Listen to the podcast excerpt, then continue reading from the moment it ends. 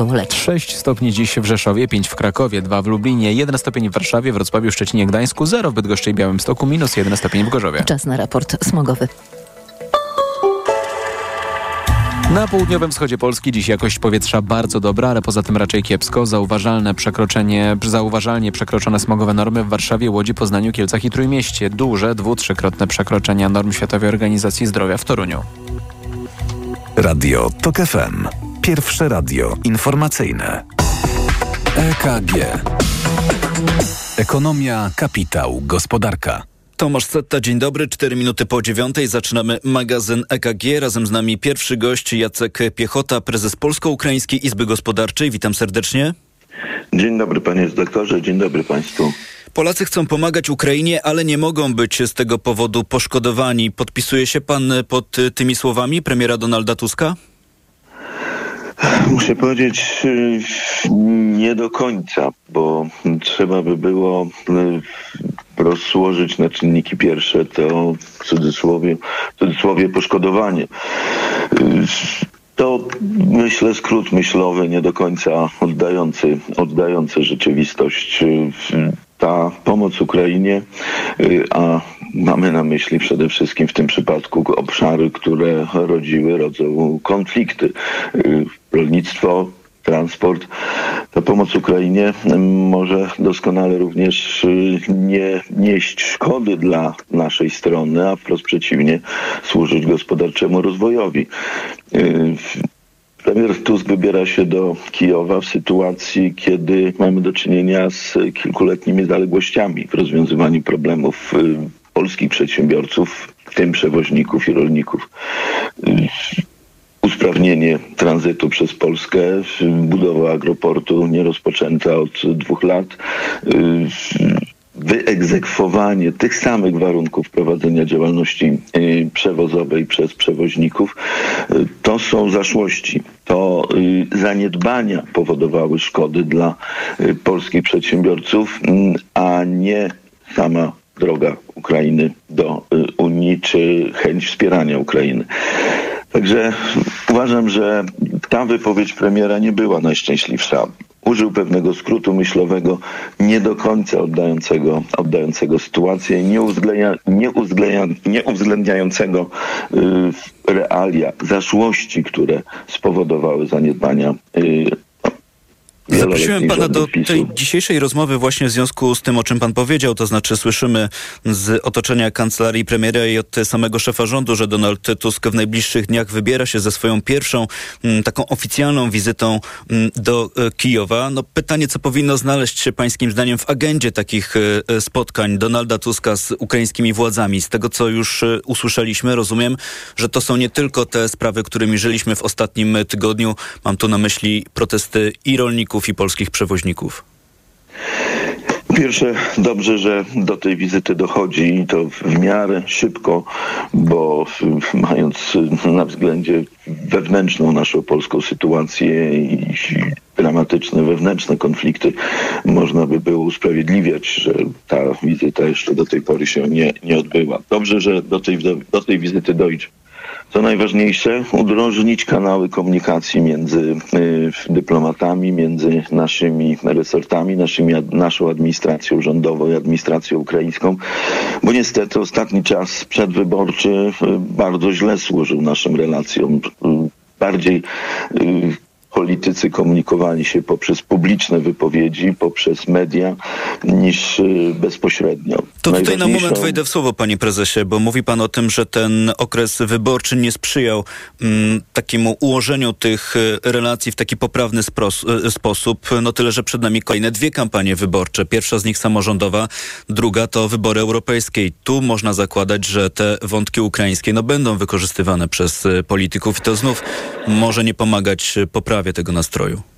To prawda, bardzo się tego obawiamy. Dlatego tak ważne jest, aby w czasie tej wizyty y, ustalić precyzyjnie harmonogram prac y, w administracji, obu administracji rządowych nad polsko-ukraińskimi relacjami. Ważne, aby określić gremium, które na bieżąco powinno podejmować wszystkie kwestie związane z polsko-ukraińskimi relacjami gospodarczymi.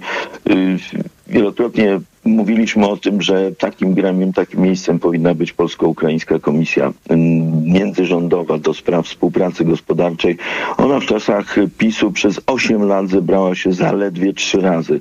Raz, kiedy urząd objął minister Morawiecki, raz, kiedy ministrem został minister Gowin, drugi, trzeci raz, kiedy minister Buda podjął te y, wyzwania.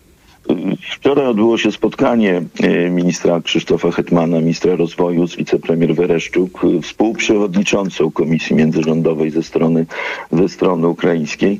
Bardzo liczymy na to, że to będzie to gremium, które e, na bieżąco będzie podejmowało wszystkie trudne tematy, proponowało wyprzedzająco rozwiązania, zanim narosną, narosną konflikty. No a do polityków apelujemy, aby powstrzymali trochę emocje, ostudzili y, przedwyborczy zapał, jeżeli chodzi o kwestie polsko-ukraińskie. Bardzo nieszczęśliwe są wypowiedzi tak jak niestety muszę to powiedzieć, już wypowiedź obecnego wiceministra rolnictwa Michała Kołodziejczaka, który y, mówi o dwudziestoletnim zablokowaniu ukraińskiego zboża to roznosi się po ukraińskiej stronie bardzo szerokim echem. To nie sprzyja merytorycznemu poszukiwaniu rozwiązań, a y, sama blokada, sam ten ostatni okres powoduje, że tracimy jako Polska na wiarygodności. Jakim możemy być hubem odbudowy Ukrainy, jeżeli nie jesteśmy w stanie zapewnić drożności naszej granicy. Dzisiaj na tej sytuacji korzysta Rumunia, która 24 na 24 za unijne pieniądze buduje nowe połączenie autostradowe z Ukrainą. Stąd, panie prezesie, te wszystkie moje pytania o tę nadchodzącą wizytę Donalda Tuska w Kijowie, bo no, mamy do czynienia w Polsce z nowym rządem od miesiąca i w ciągu tego miesiąca można było odnieść takie wrażenie, że nowa władza, no to z jednej strony jest jakaś szansa na nowe otwarcie w relacjach z Ukrainą, z drugiej strony, no widać trochę, trochę takie balansowanie przedstawicieli e, e, rządu pomiędzy tym nowym otwarciem, a spełnieniem jakichś oczekiwań wyborców, którzy liczyli na to, że część z tych problemów problemów, o których już trochę sobie dzisiaj powiedzieliśmy, no, uda się rozwiązać. To prawda. Na szybkie rozwiązanie tych problemów y, bardzo liczyła strona ukraińska. Y, nowy rząd, y, nowe, nowe pomysły. No, czas minął dość spory jak na problemy, które każdy dzień pogłębiał, bo trwająca blokada granicy przynosiła już wieloset milionowe straty dla producentów, eksporterów i importerów. To podkreślamy, bo wszyscy z troską pochylamy się nad trudną sytuacją przewoźników. Notabene ta sytuacja przewoźników w dużej mierze nie wynikała z problemów polsko-ukraińskich, a z zablokowania przede wszystkim rynku rosyjskiego i białoruskiego dla przewozów, ale to znowu kwestia na długą dyskusję.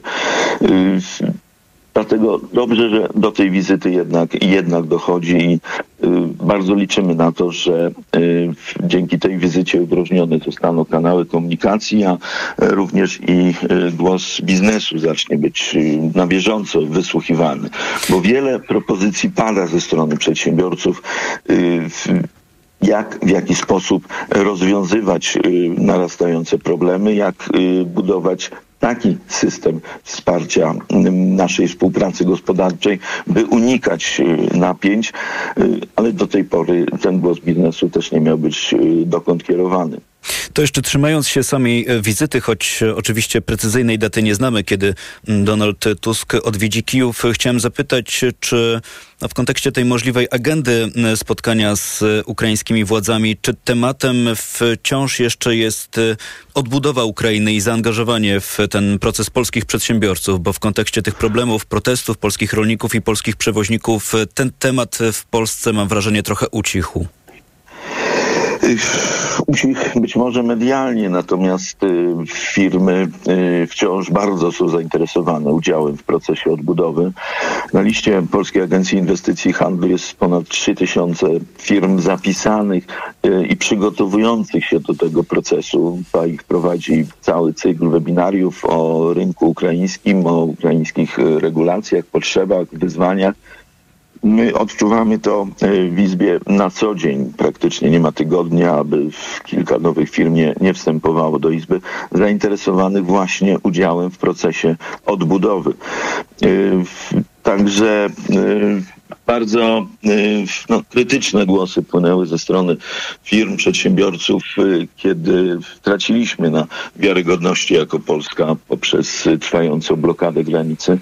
No, dzisiaj we wszystkich wstąpiła otucha, zawieszenie tego protestu, zawieszenie tej blokady do 1 marca rodzi nadzieję, że jednak y, czas jeszcze nie jest do końca stracony i mamy szansę odzyskać ja wczoraj y, rozmawiałem, spotkałem się z y, panią wicepremier Iryną Wereszczuk.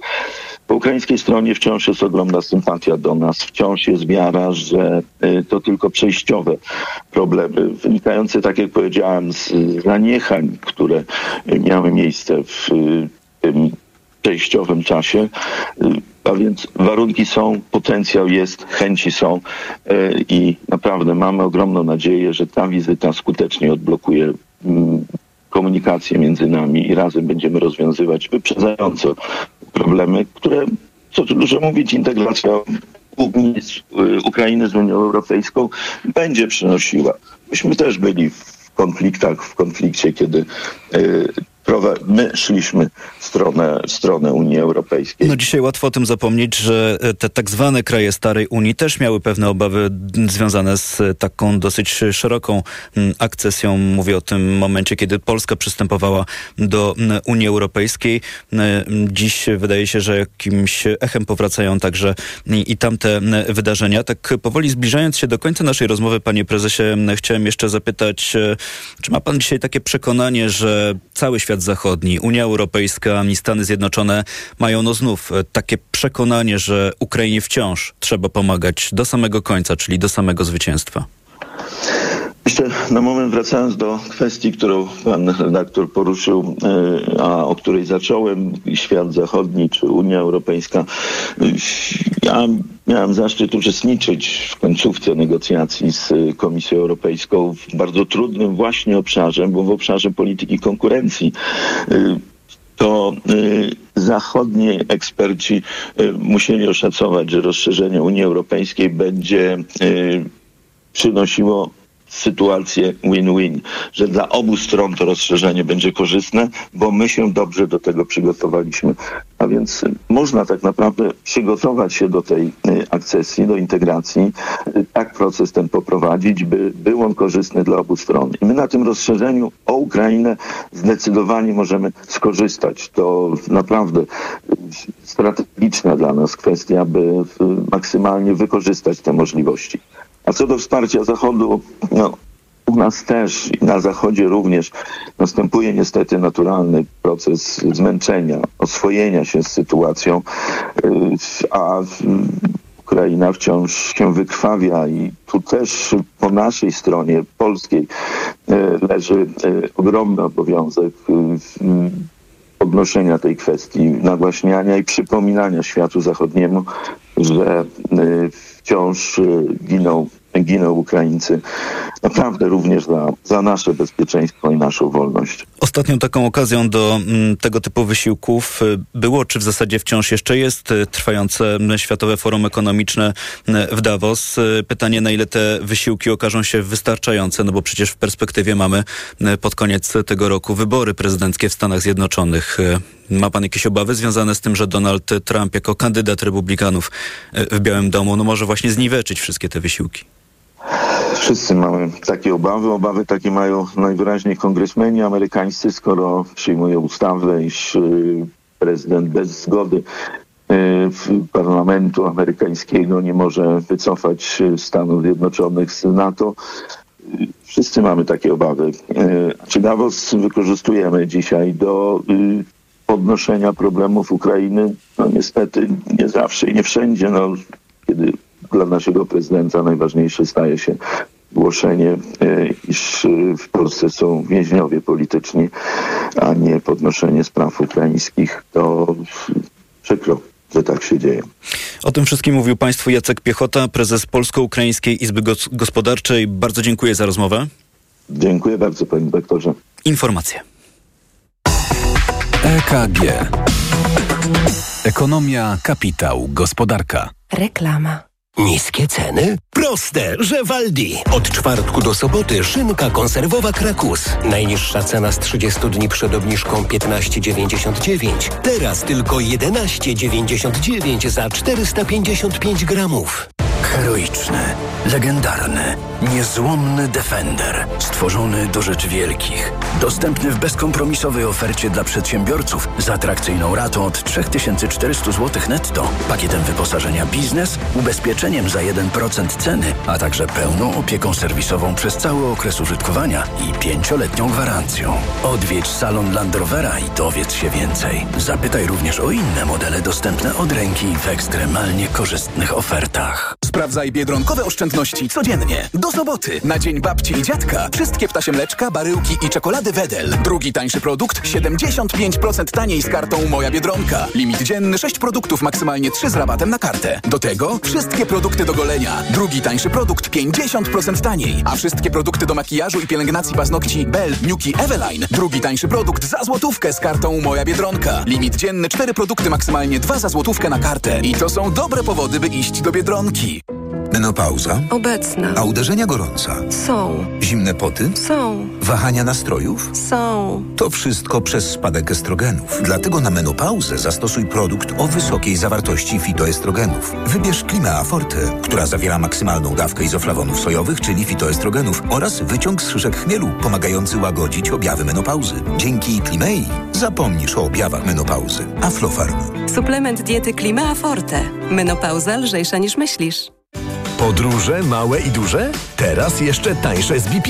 W każdy czwartek i niedzielę paliwo premium Ultimate Diesel w cenie paliwa regularnego. Szczegóły na www.bp.pl. BP. Kierujemy się Tobą. Reklama. Radio TOK FM. Pierwsze radio informacyjne. Informacje TOK FM. 9.21 Filip Kakusz, zapraszam. Rozpoczęło się trzeci dzień posiedzenia Sejmu. Posłowie mają głosować nad rządowym projektem ustawy budżetowej na ten rok. Deficyt ma wynieść nie więcej niż 184 miliardy złotych. Później przepisami zajmie się Senat. Ustawa budżetowa musi trafić na biurko prezydenta do końca stycznia. W przeciwnym razie prezydent będzie mógł rozwiązać Sejm i potrzebne będą przyspieszone wybory. W walkach w strefie gazy w ciągu ostatniej doby zginęło około 60 bojowników Hamasu i palestyńskiego islamskiego dżihadu. Najbardziej intensywne walki trwają wciąż w okolicach miasta Han Yunis na południu półenklawy, gdzie zdaniem dowództwa sił Izraela ukrywa się lider Hamasu i przetrzymywani są zakładnicy uprowadzeni 7 października. Rzecznik izraelskich wojsk Daniel Hagari twierdzi, że walki są intensywne, jednak analitycy zwracają uwagę, że wielu postępów nie ma. Chiny są gotowe odegrać rolę mediatora w obliczu rosnących napięć między Iranem i Pakistanem, podała agencja AFP. Zeszłej nocy armia pakistańska dokonała ataków bombowych na terytorium Iranu, których celem miały być, jak to określono, grupy terrorystów. Zginęło dziewięć osób. Wcześniej Iran zaatakował na terytorium Pakistanu i w tym ataku według Islamabadu zginęło dwoje dzieci. W ostatnich dniach wojska Teheranu przeprowadziły też ataki na cele w Iraku i Syrii. 10 milionów euro przeznaczył rząd Włoch na leczenie w tym roku zaburzeń odżywiania, które w kraju dotykają około 3 milionów osób. Środki na ten cel zapisano w projekcie ustawy okołobudżetowej. Stowarzyszenie Rodzin Osób zmagających się z bulimią domagały się tych środków, obawiając się, że jeśli ich nie będzie, zamknięte zostaną specjalistyczne ośrodki leczenia. O znalezienie pieniędzy apelowała też premierka Giorgia Meloni. Pogoda. Dziś pochmurno z przejaśnieniami. Będzie padać śnieg na południu i lokalnie na wschodzie, także deszcz ze śniegiem i deszcz. Na termometrach w ciągu dnia od zera w Białymstoku i Poznaniu, przez plus 1 w Warszawie i Gdańsku, do plus 5-6 stopni w Krakowie i Rzeszowie. Radio TOK FM. Pierwsze radio informacyjne. EKG.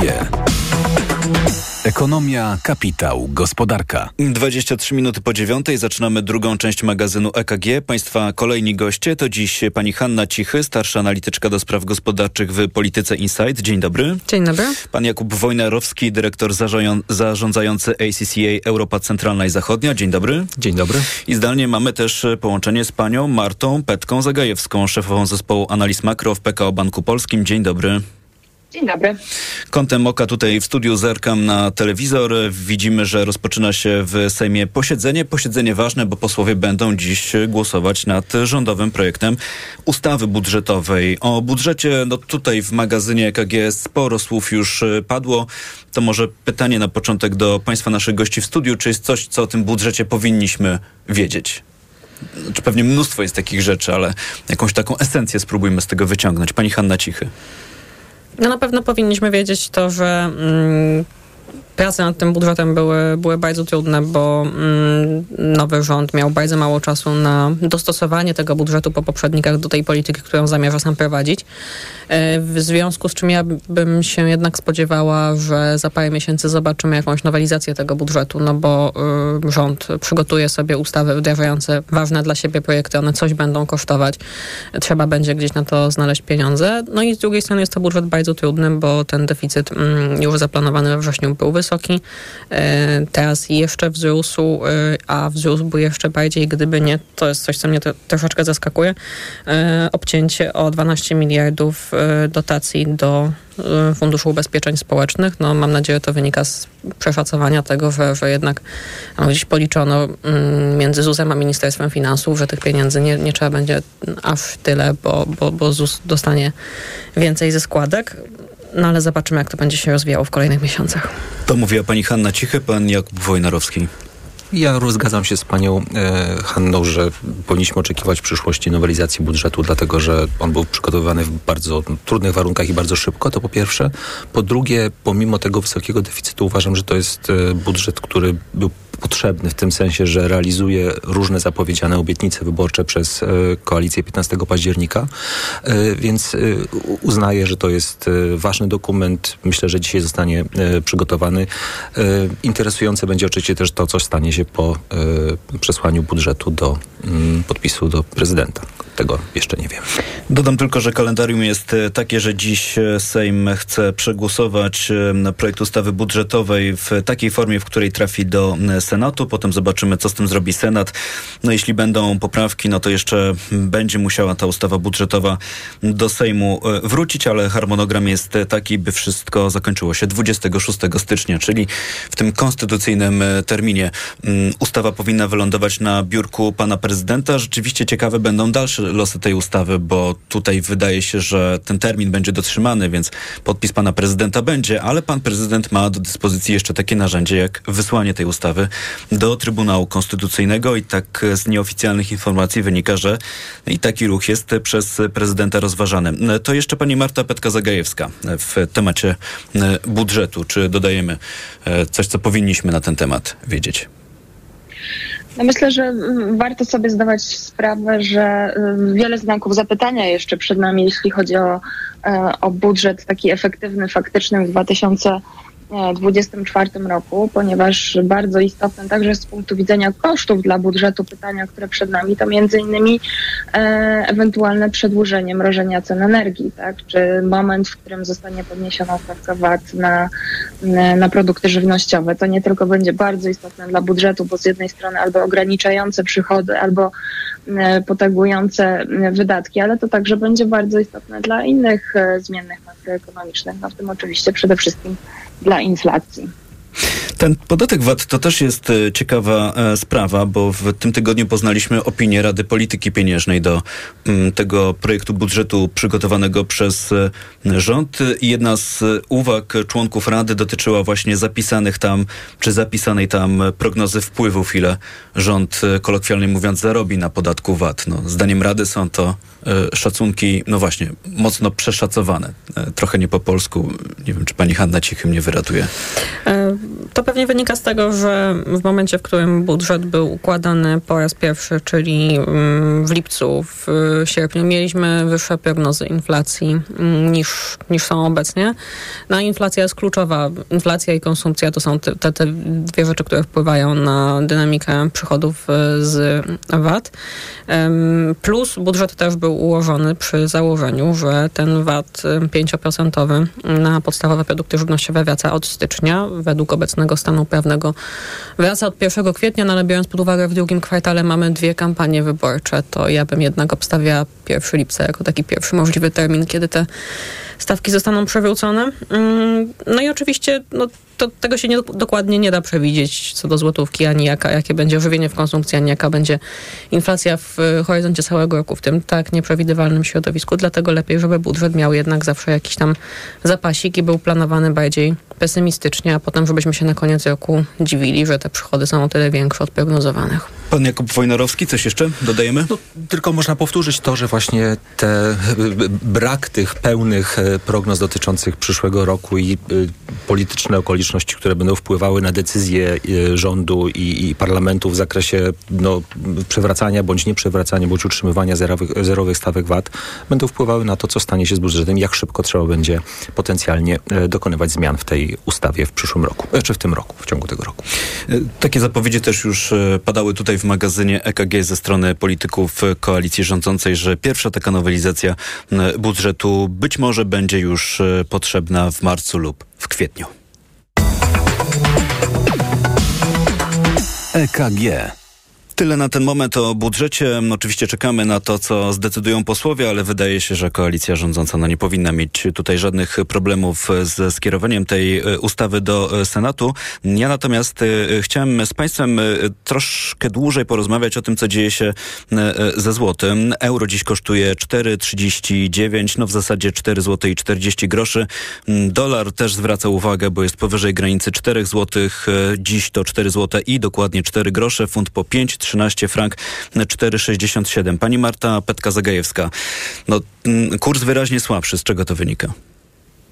No wynika to zarówno z czynników globalnych, jak i stricte z e, tego, co w ostatnich dniach e, działo się w Polsce. To otoczenie globalne to przede wszystkim e, ostatnie dni przyniosły dosyć dużą korektę inwestorów w ich oczekiwaniach dotyczących tego, jak szybko mogą się e, pojawić pierwsze obniżki stóp procentowych e, w Stanach Zjednoczonych.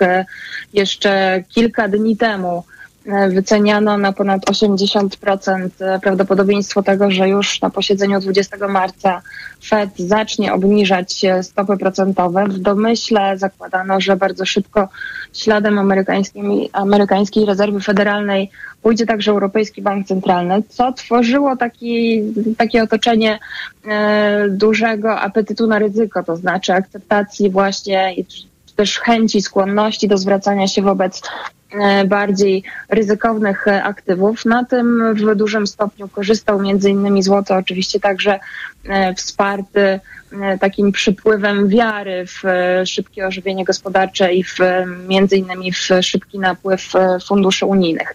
Te nadzieje w ostatnich dniach na obniżki stóp procentowych ewidentnie osłabły. Na dziś to prawdopodobieństwo obniżki stóp w marcu to już jest poniżej 60%, co sprawia z jednej strony, że e, na globalnym rynku straty zaczął odrabiać dolar, dolar zaczął się umacniać. To zazwyczaj jest takie otoczenie, w którym e, tracą także waluty naszego regionu.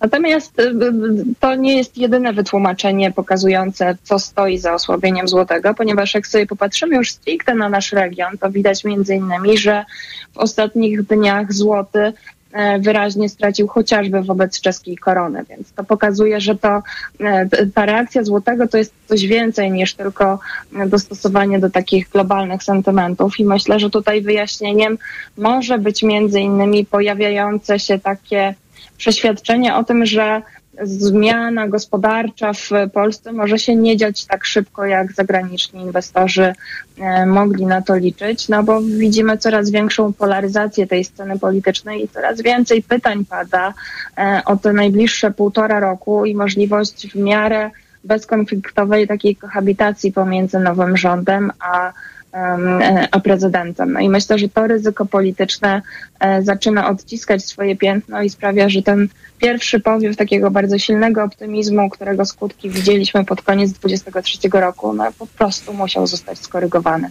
To mówiła pani Marta Petka-Zagajewska. Bardzo dziękuję. Mm, to jeszcze szybkie pytanie do państwa, naszych gości w y, studiu. Państwo y, z jakąś szczególną uwagą obserwują to, co dzieje się ze złotem? Hanna Cichy? No ja myślę, że tutaj czynniki globalne jednak odgrywają też e, dużą rolę, bo mamy mm, znowu niestety w ostatnich dniach e, nasilenie niepewności, mm, no i takiej stricte gospodarczej, mówię tutaj o słabszych danych e, z Chinach i, i geopolitycznej, no bo jednak ta sytuacja na Bliskim Wschodzie i w obrębie Morza Czerwonego mm, no nie wygląda jakby dążyła ku, ku dobremu, mówiąc eufemistycznie. A jeżeli chodzi o to, co co mówiła mm, przedmówczyni, czyli że mm, zmiana gospodarcza się może nie, nie tak szybko. No jak na razie zmiana gospodarcza nie dzieje się w ogóle, bo, bo, bo gospodarka, za wyjątkiem kwestii związanych z budżetem, który po prostu uchwalić trzeba w takim terminie, w jakim trzeba, gospodarka nie jest w tej chwili priorytetem e, rządu. No i pytanie, jak długo to jeszcze potrwa, zanim, zanim nim zostanie, zanim te kwestie bardziej takie e, polityczne, personalne karne zostaną uporządkowane. Rozumiem, że tym priorytetem, to wszyscy widzimy w ostatnich dniach, tygodniach, jest e, cały czas wymiar sprawiedliwości, w którym sporo się działo przez te ostatnie 8 lat. Mówiła Hanna Cichy, pan Jakub Wojnarowski. Tylko słowo dodam do tego, co powiedziały panie. Może być więcej wymiarze. niż jedno słowo. Tak, dosłownie jeden komentarz dotyczący tej sytuacji wewnętrznej i y, tych zmagań y, rządu i, i koalicji z wymiarem sprawiedliwości. Wydaje mi się, że wymiar sprawiedliwości stanowi istotny element otoczenia gospodarczego, jeden z najważniejszych. I w związku z tym przywrócenie tego ładu um, i, i praworządności w długiej perspektywie moim zdaniem będzie służyło um, stabilizacji. To oczywiście nie wydarza się, tak jak panie powiedziały, e, natychmiast i szybko i towarzyszy temu ogromny szum i emocje po obu stronach e, sceny politycznej. Bo pan mówi o tej długiej perspektywie, tak. a w krótkiej perspektywie no, możemy mieć do czynienia, czy może nawet już teraz mamy do czynienia z dość taką wysoką temperaturą, która no, tak, towarzyszy. Towarzyszy i ponieważ inwestorzy podejmują decyzje, no oczywiście także y, emocjonalnie, no to tutaj mamy do czynienia ze, ze spadkiem wartości y, złotówki, ale wydaje mi się, że w długiej perspektywie powinno to służyć y, stabilizacji. Mówił pan Jakub Wojnarowski, są z nami też Hanna Cichy i Marta Petka-Zagajewska. Na zegarach 9.35, to oznacza, że w Radiu Tok FM za moment usłyszą państwo informacje, a tuż po nich słyszymy się w trzeciej części programu. Jeden z tematów, który chciałbym z państwem poruszyć, to to, co powinno się dziać w związku z tym, że mamy nowy rząd w obszarze kilku takich strategicznych inwestycji, nad którymi pracowali poprzednicy, Centralny Port Komunikacyjny, ale też pierwsza elektrownia atomowa w Polsce. Wczoraj wokół tego tematu było dość duże zamieszanie. Spróbujemy do tego wrócić w kolejnej części. EKG. Ekonomia, kapitał, gospodarka. Autopromocja. Stok FM Premium możesz słuchać wszystkich audycji radiowych i podcastów internetowych Tok FM. Bez reklam, w dowolnej kolejności, o dowolnej porze. Zawsze, gdy masz na to czas i ochotę. Tok FM Premium. Więcej niż radio. Teraz 40% taniej. Szczegóły oferty znajdziesz na tokefm.pl. Autopromocja. Reklama. RTV Euro AGD. Już jest! Nowa seria Samsung Galaxy S24. Kup w przedsprzedaży i zyskaj dwa razy więcej pamięci, oszczędzając do 1050 zł w stosunku do ceny, jaka będzie obowiązywać po zakończeniu przedsprzedaży. Swoją płatność możesz rozłożyć nawet na 40 lat 0%. RRSO 0%. Ponadto w promocji Samsung otrzymaj do 3000 zł zwrotu za Twój obecny smartfon albo 400 zł na karcie Visa do płatności mobilnych. Szczegóły i regulaminy w sklepach i na euro.com.pl Hej! A wiesz, że w IKEA płacisz teraz mniej i masz jeszcze więcej radości z urządzania domu? Obniżyliśmy ceny tysięcy produktów. Szukaj ich w sklepach i na IKEA.pl. IKEA. Lepiej pomyślany dom. Witotal dla mężczyzn to witaminy i minerały w dużych dawkach. Plus dodatkowe składniki tylko dla mężczyzn. Witotal jest najlepszy dla nas, facetów. Suplement diety Witotal. Więcej niż witaminy. Aflofarm. Zrób z Leroy Merlin remont taniej, bo teraz panele podłogowe Dąb Esteban AC4 7 mm już za 29,90 za metr kwadratowy. A robiąc zakupy za minimum 1500 zł, korzystasz z 10 rat 0% w klubie. Regulamin na onejraty.pl RRSO 0%. Ciesz się nową podłogą już dziś, a spłacać zacznij za 3 miesiące. Proste? Proste. Leroy Merlin.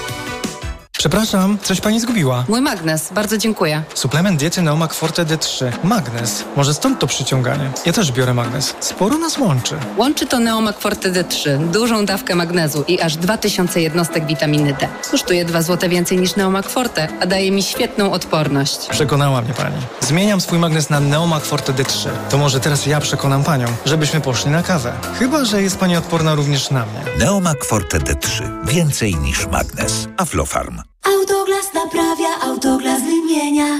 Mały odprysk na przedniej szybie może zamienić się w pęknięcie. To pewne, że prędzej czy później szyba będzie nadawać się już tylko do wymiany. W Autoglas w 30 minut naprawiamy Twoją przednią szybę. Nie zostawiaj tego na później. Zadzwoń 801 181 181 lub umów się online na www.autoglas.pl. W Auchan ceny lecą w dół. Wybrane produkty o 50% taniej. Żel pod prysznic Palmolive 500 ml za 5,67. Najniższa cena z 30 dni przed obniżką to 11,34. Oferta ważna do 20 stycznia. Szczegóły na oszą.pl. Barbara, ruszyła wielka wyprzedaż w Media Expert, tak? No. To zobacz teraz. Wchodzę i kupuję taniej i nawet na 30 lat 0% i RRSO 0% i nawet do czerwca nie płacę. Marian, jesteś wielki. Jak wielka wyprzedaż w Media Expert, co? Przed Państwem najbardziej wyczekiwane egzemplarze dzisiejszych wyprzedaży. Suwy Forda, Puma i Kuga. Stylowe, komfortowe, bogato wyposażone i oszczędne. Po raz pierwszy, po raz drugi. O, już sprzedane? Suwy Forda, Puma i Kuga znikają w mgnieniu oka w mocnej limitowanej wyprzedaży rocznika. Tylko teraz z korzyścią finansową do 39 tysięcy złotych i pakietem 4 lat ochrony Ford Protect, gwarancją i serwisem w cenie samochodu. Nowoczesne Fordy, Puma i Kuga. Pospiesz się, takie okazje nie lubią czekać. Zapraszamy do dealerów Forda i na Ford.pl. Reklama. Radio TOK FM. Pierwsze radio informacyjne. Informacje TOK FM.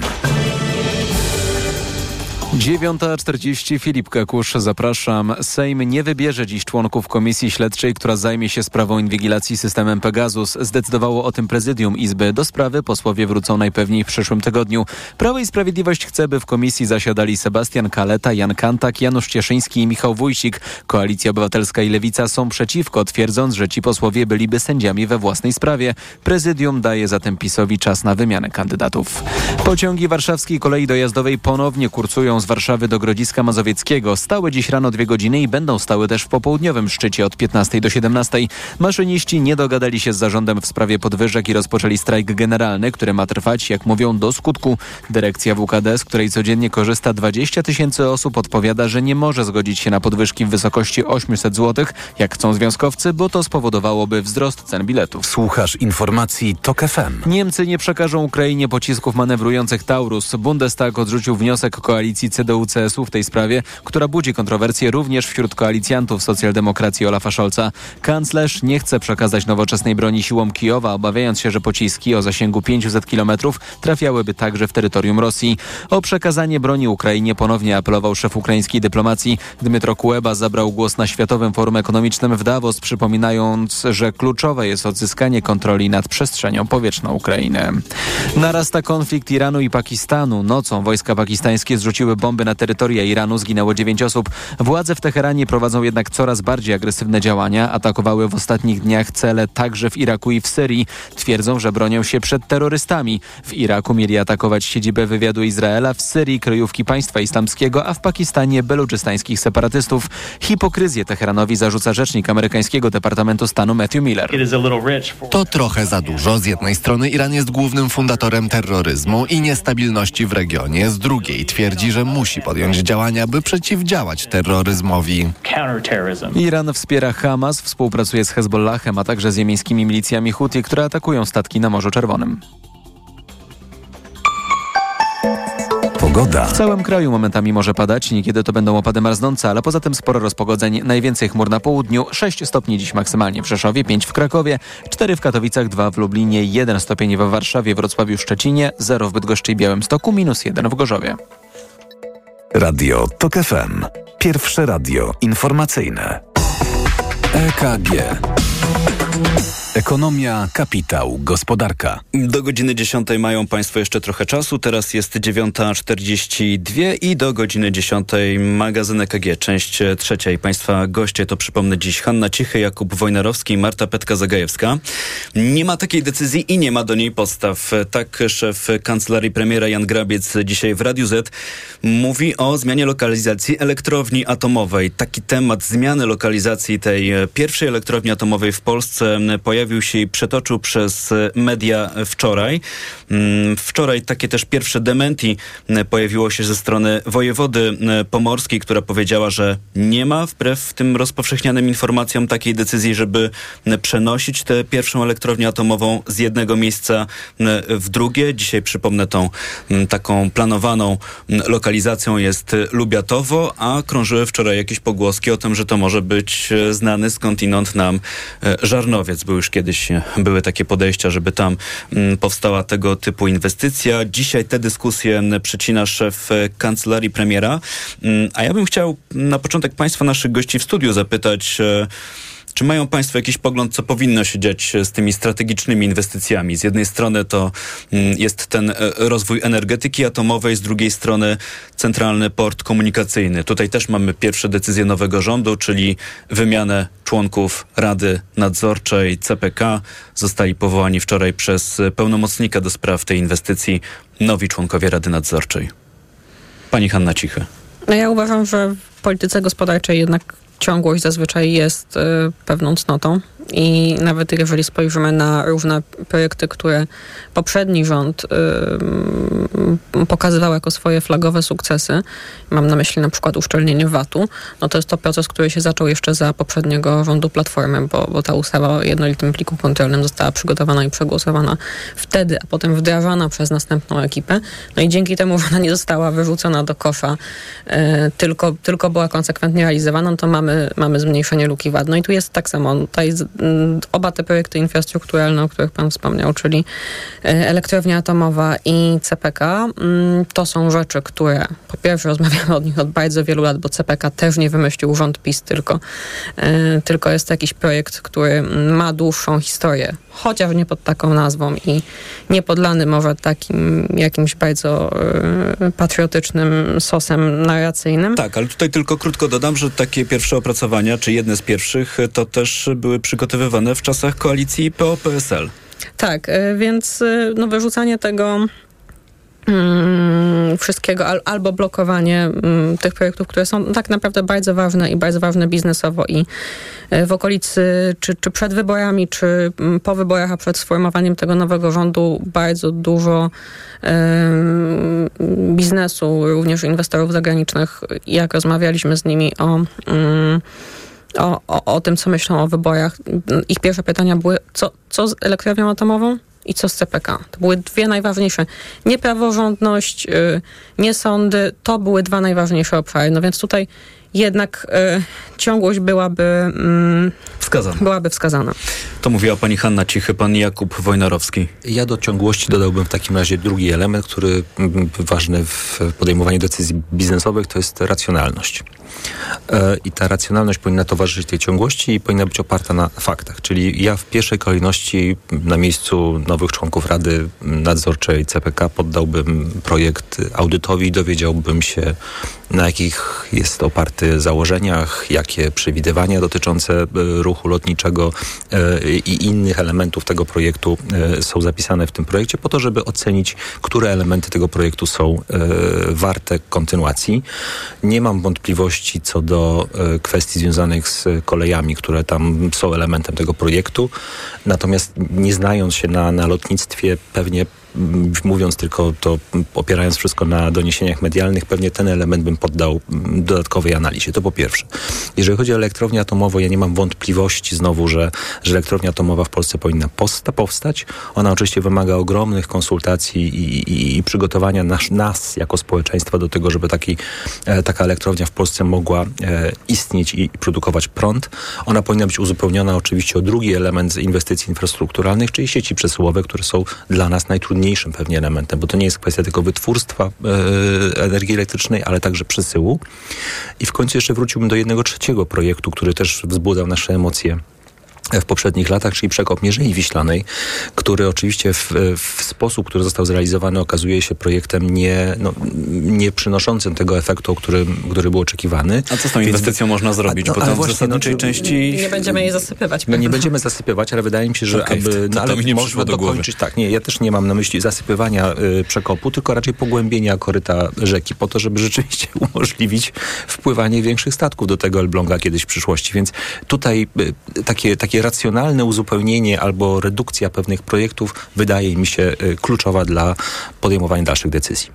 To mówił pan Jakub Wojnarowski. Ja może jeszcze tylko dodam, że to wczorajsze zamieszanie wokół tego, czy zmieniamy w Polsce lokalizację tej pierwszej elektrowni atomowej, no to wzbudziło tyle emocji, dlatego że gdyby rzeczywiście zapadła taka decyzja, no to ona była, miałaby dość poważne konsekwencje, to znaczy jeszcze dłużej czekalibyśmy na powstanie tej e, elektrowni jądrowej w Polsce, bo przecież e, cały proces e, wydawania decyzji środowiskowych, e, biurokracja, która temu towarzyszy, no mogłaby skutecznie odsunąć plany budowy tej, tej, tej elektrowni o dobre kilka lat, a znowu nie mamy tyle czasu na to, żeby pozwalać sobie na przedłużanie tego procesu, który i tak już ma opóźnienia, bo w perspektywie mamy wygaszanie w Polsce tych elektrowni węglowych, więc rozumiem, że w zamian w tym naszym systemie energetycznym potrzebujemy czegoś, co te elektrownie będzie mogło mogło zastąpić taką stabilną, czy, czy co byłoby takim stabilnym e, źródłem energii. To tak tytułem wyjaśnienia tego, co działo się wczoraj. Pani Marta Petka-Zagajewska, coś dorzucamy? Tak, ja właśnie chciałam do, do, dorzucić trzeci element do tej ciągłości, takiej racjonalności. Ten trzeci kluczowy element to jest właśnie czas. Mówimy o inwestycjach, których realizacja jest niezmiernie jakby wydłużona w czasie. E, e, prognozy wskazują, że bez żadnych zmian i tak pierwszy prąd z tej elektrowni atomowej płynie w 2033 roku. Z bardzo podobną presją czasową mamy do, do czynienia w przypadku e, CPK, gdzie w zasadzie na całym świecie tempo odbudowy po pandemii ruchu lotniczego przekracza wszelkie E, oczekiwania. Mamy chociażby wyniki za 23 rok e, lotniska, lotniska Chopina, gdzie e, prognozowano ruch na poziomie 15 milionów pasażerów. Było ich 18,5 miliona. To pokazuje, jak bardzo nas ten rynek zaskakuje. No i mamy szacunki pokazujące, że już w horyzoncie 5-6 lat przepustowość tych obydwu portów warszawskich E, nam się wyczerpie. No, błędy prognoz w ostatnim czasie były błędami niedoszacowującymi, więc to tylko pokazuje, że tego czasu efektywnie możemy mieć nawet jeszcze mniej niż się wydaje. Więc ta presja czasu myślę, że też jest takim elementem, który bardzo istotnie powinien być uwzględniany w decyzjach o tym, jak mocno te projekty będą zmieniane. O czym mówiła pani Marta Petka-Zagajewska. Bardzo dziękuję. EKG. No to te ostatnie kilka minut naszego spotkania możemy zgodnie z tradycją poświęcić na zdziwienia. Czy jest coś, co Państwa dziwi? Pan Jakub Wojnarowski. Właściwie powinienem powiedzieć, że już coraz mniej rzeczy może być zaskakujących w tej naszej rzeczywistości społeczno-polityczno-gospodarczej. Ale ja chciałbym się odnieść do, y, do ostatnich doniesień medialnych związanych z y, różnego, rodzaju, y, różnego rodzaju wydatkami ponoszonymi przez spółki Skarbu Państwa i doniesieniami y, do prokuratury wykonanymi przez Najwyższą Izbę Kontroli związaną z tym, na co i w jaki sposób były przeznaczone środki w, y, w spółkach Skarbu Państwa. To po pierwsze. Po drugie... Problem też polegał na tym, że te spółki w niektórych przypadkach zdaniem NIK-u miały utrudniać y, pracę kontrolerom. Tak, czy nie poddały i w ogóle nie poddały się do... Nie, nie zgodziły się na, na, na kontrolę. To po pierwsze. Po drugie mamy też e, ten e, no, debatę i dyskusję od niedawna o tym, że komentatorzy w, w telewizji publicznej byli wynagradzani i że te wynagrodzenia rzeczywiście wzbudzają ogromne emocje. I w związku z tym ja chciałbym podnieść taką kwestię związaną z e, funkcjonowaniem ładu korporacyjnego w polskich przedsiębiorstwach, w spółkach Skarbu Państwa, w Funduszu Sprawiedliwości. To kolejny element, który też wzbudził wzbudził w ostatnim czasie i sposób wydatkowania środków z tego Funduszu Sprawiedliwości wzbudzał emocje. Więc myślę, że y, bardzo powinniśmy skupić się i rząd w, w, najbliższych miesiącach powinien skupić się na tym, aby ten ład korporacyjny w tych wszystkich spółkach naprawdę skutecznie przywracać i dbać o to, aby on był realizowany, dlatego że on stanowi gwarancję nie tylko dla akcjonariuszy tej spółek, ale także dla inwestorów inwestorów zagranicznych przychodzących do Polski, zastanawiających się, czy tutaj podejmować decyzje o, o inwestowaniu, mm, udziale w, w, w, w obiegu gospodarczym, e, żeby tu, tutaj być, że to, gwarancja tego, że coś dzieje się dobrego, prawidłowo, zgodnie z procesem, zgodnie z procedurą i zgodnie z prawem. I, i dlatego ja tak bardzo podkreślam, e, wciąż zaskakują mnie te doniesienia.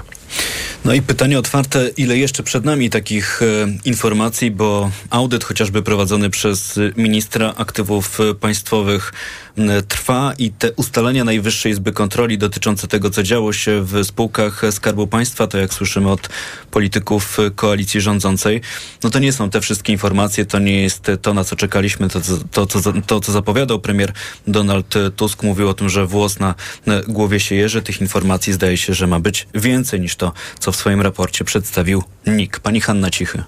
A kiedyś jeszcze poznamy strukturę wydatków yy, promocyjno-marketingowych NBP-u i to dopiero będzie ciekawostka. Mm, natomiast y, mnie dziwi co innego. Mm, z jednej, bo czytam dzisiaj w e, Rzeczpospolitej, że Polska jest skansenem elektromobilności, że tutaj mamy bardzo duże zapóźnienie, jeżeli chodzi o mm, infrastrukturę sieciową do samochodów elektrycznych, a jednocześnie przecież e, polski sektor motoryzacyjny e, bardzo ładnie przestawia się na ten trend, no, mm, jeżeli chodzi o, o, o stronę produkcyjną. Czyli rozumiem, nie mamy gdzie ładować tych samochodów. Mm, znaczy produkujemy te samochody, mhm. ale one wszystkie idą na eksport, produkujemy te baterie, one idą na eksport. Okay. E, bo u nas e, nie będą mogły jeździć. O ile ja nie uważam, że elektromobilność jest odpowiedzią na wszystkie nasze problemy, no to na pewno jest też przyszłością tej, tej motoryzacji, więc byłoby myślę smutno, gdyby się za 10 lat okazało, że właśnie te wszystkie samochody elektryczne, które wyprodukowaliśmy, mm, nie mamy jak, jak ich użytkować. A gdzie kryje się to zdziwienie, że jesteśmy tym skansenem, jak pisze mm. Rzeczpospolita dzisiaj?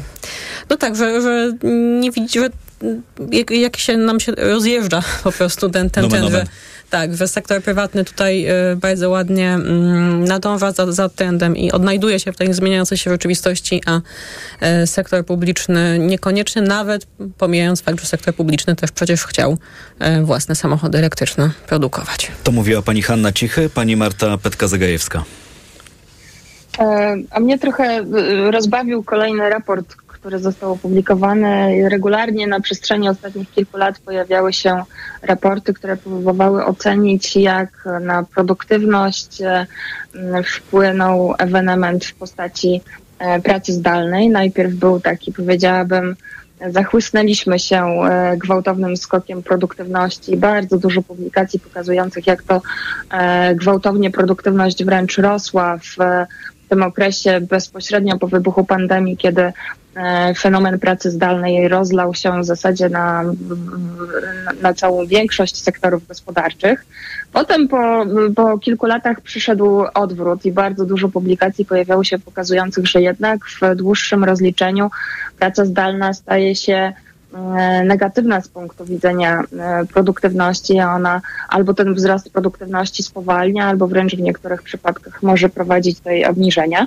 No i mamy całkiem e, świeży, świeży paper opublikowany przez dosyć znamienną instytucję. Jest to oddział Rezerwy Federalnej z San Francisco, który pogodził obydwie strony i w takiej ocenie już sięgającej danych bazujących na ponad trzech latach ocenia, że nie ma to najmniejszego znaczenia i w zasadzie to zupełnie inne czynniki wciąż są e, decydujące dla tego, w jakim tempie w różnych branżach ta produktywność się rozwija. Myślę, że to może być ciekawe, bo e, te, e, temat, czy decydować się na pracę zdalną i w jak dużym stopniu jest istotnym tematem poruszanym w wielu biurach w Warszawie, więc daję Państwu do ręki solidny argument.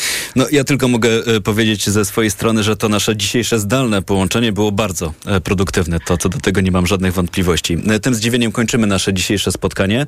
Mówiła przed momentem pani Marta Petka-Zagajewska, PKO Bank Polski. Dziękuję. Dziękuję Byli bardzo. z nami też Hanna Cichy, Polityka Insight i Jakub Wojnarowski, ACCA, Europa Centralna i Zachodnia. Również dziękuję. Dziękuję. dziękuję.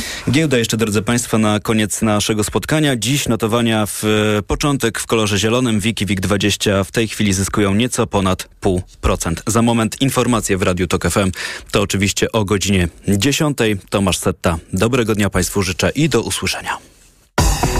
EKG Ekonomia, kapitał, gospodarka. TOK 360. Najważniejsze informacje, najświeższe komentarze, najbardziej aktualne doniesienia reporterów TOK FM. TOK 360. Punktualnie o 18.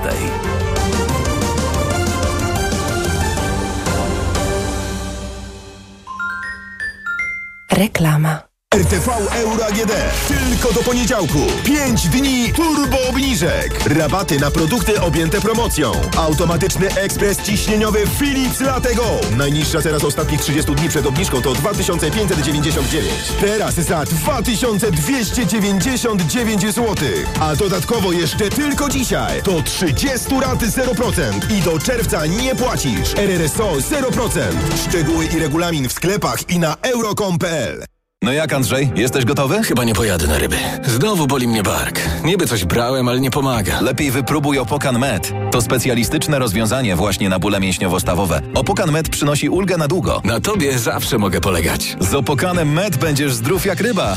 Opokan Med. Bez bólu przez cały dzień. Bez bólu przez całą noc. To jest wyrób medyczny. Używaj go zgodnie z instrukcją używania lub etykietą. Rozgrzewanie i łagodzenie dolegliwości krzyżowo-lędźwiowych, reumatycznych, mięśniowych, stawowych i nerwobóli. Aflofarm.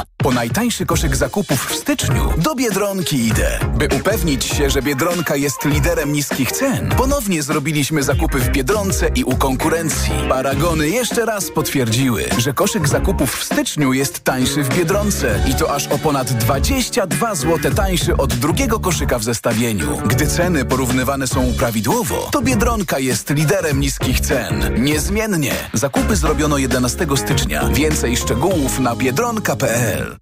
Marian, a na tej wielkiej wyprzedaży to gdzie kupować? Barbara, no w Media Expert zresztą sama posłuchaj. Wielka wyprzedaż w Media Expert. Na przykład telewizor Smart Philips 65 cali. Najniższa cena z ostatnich 30 dni przed obniżką 3699 zł 99 groszy. Teraz za jedyne 2999 z kodem rabatowym taniej o 700 zł.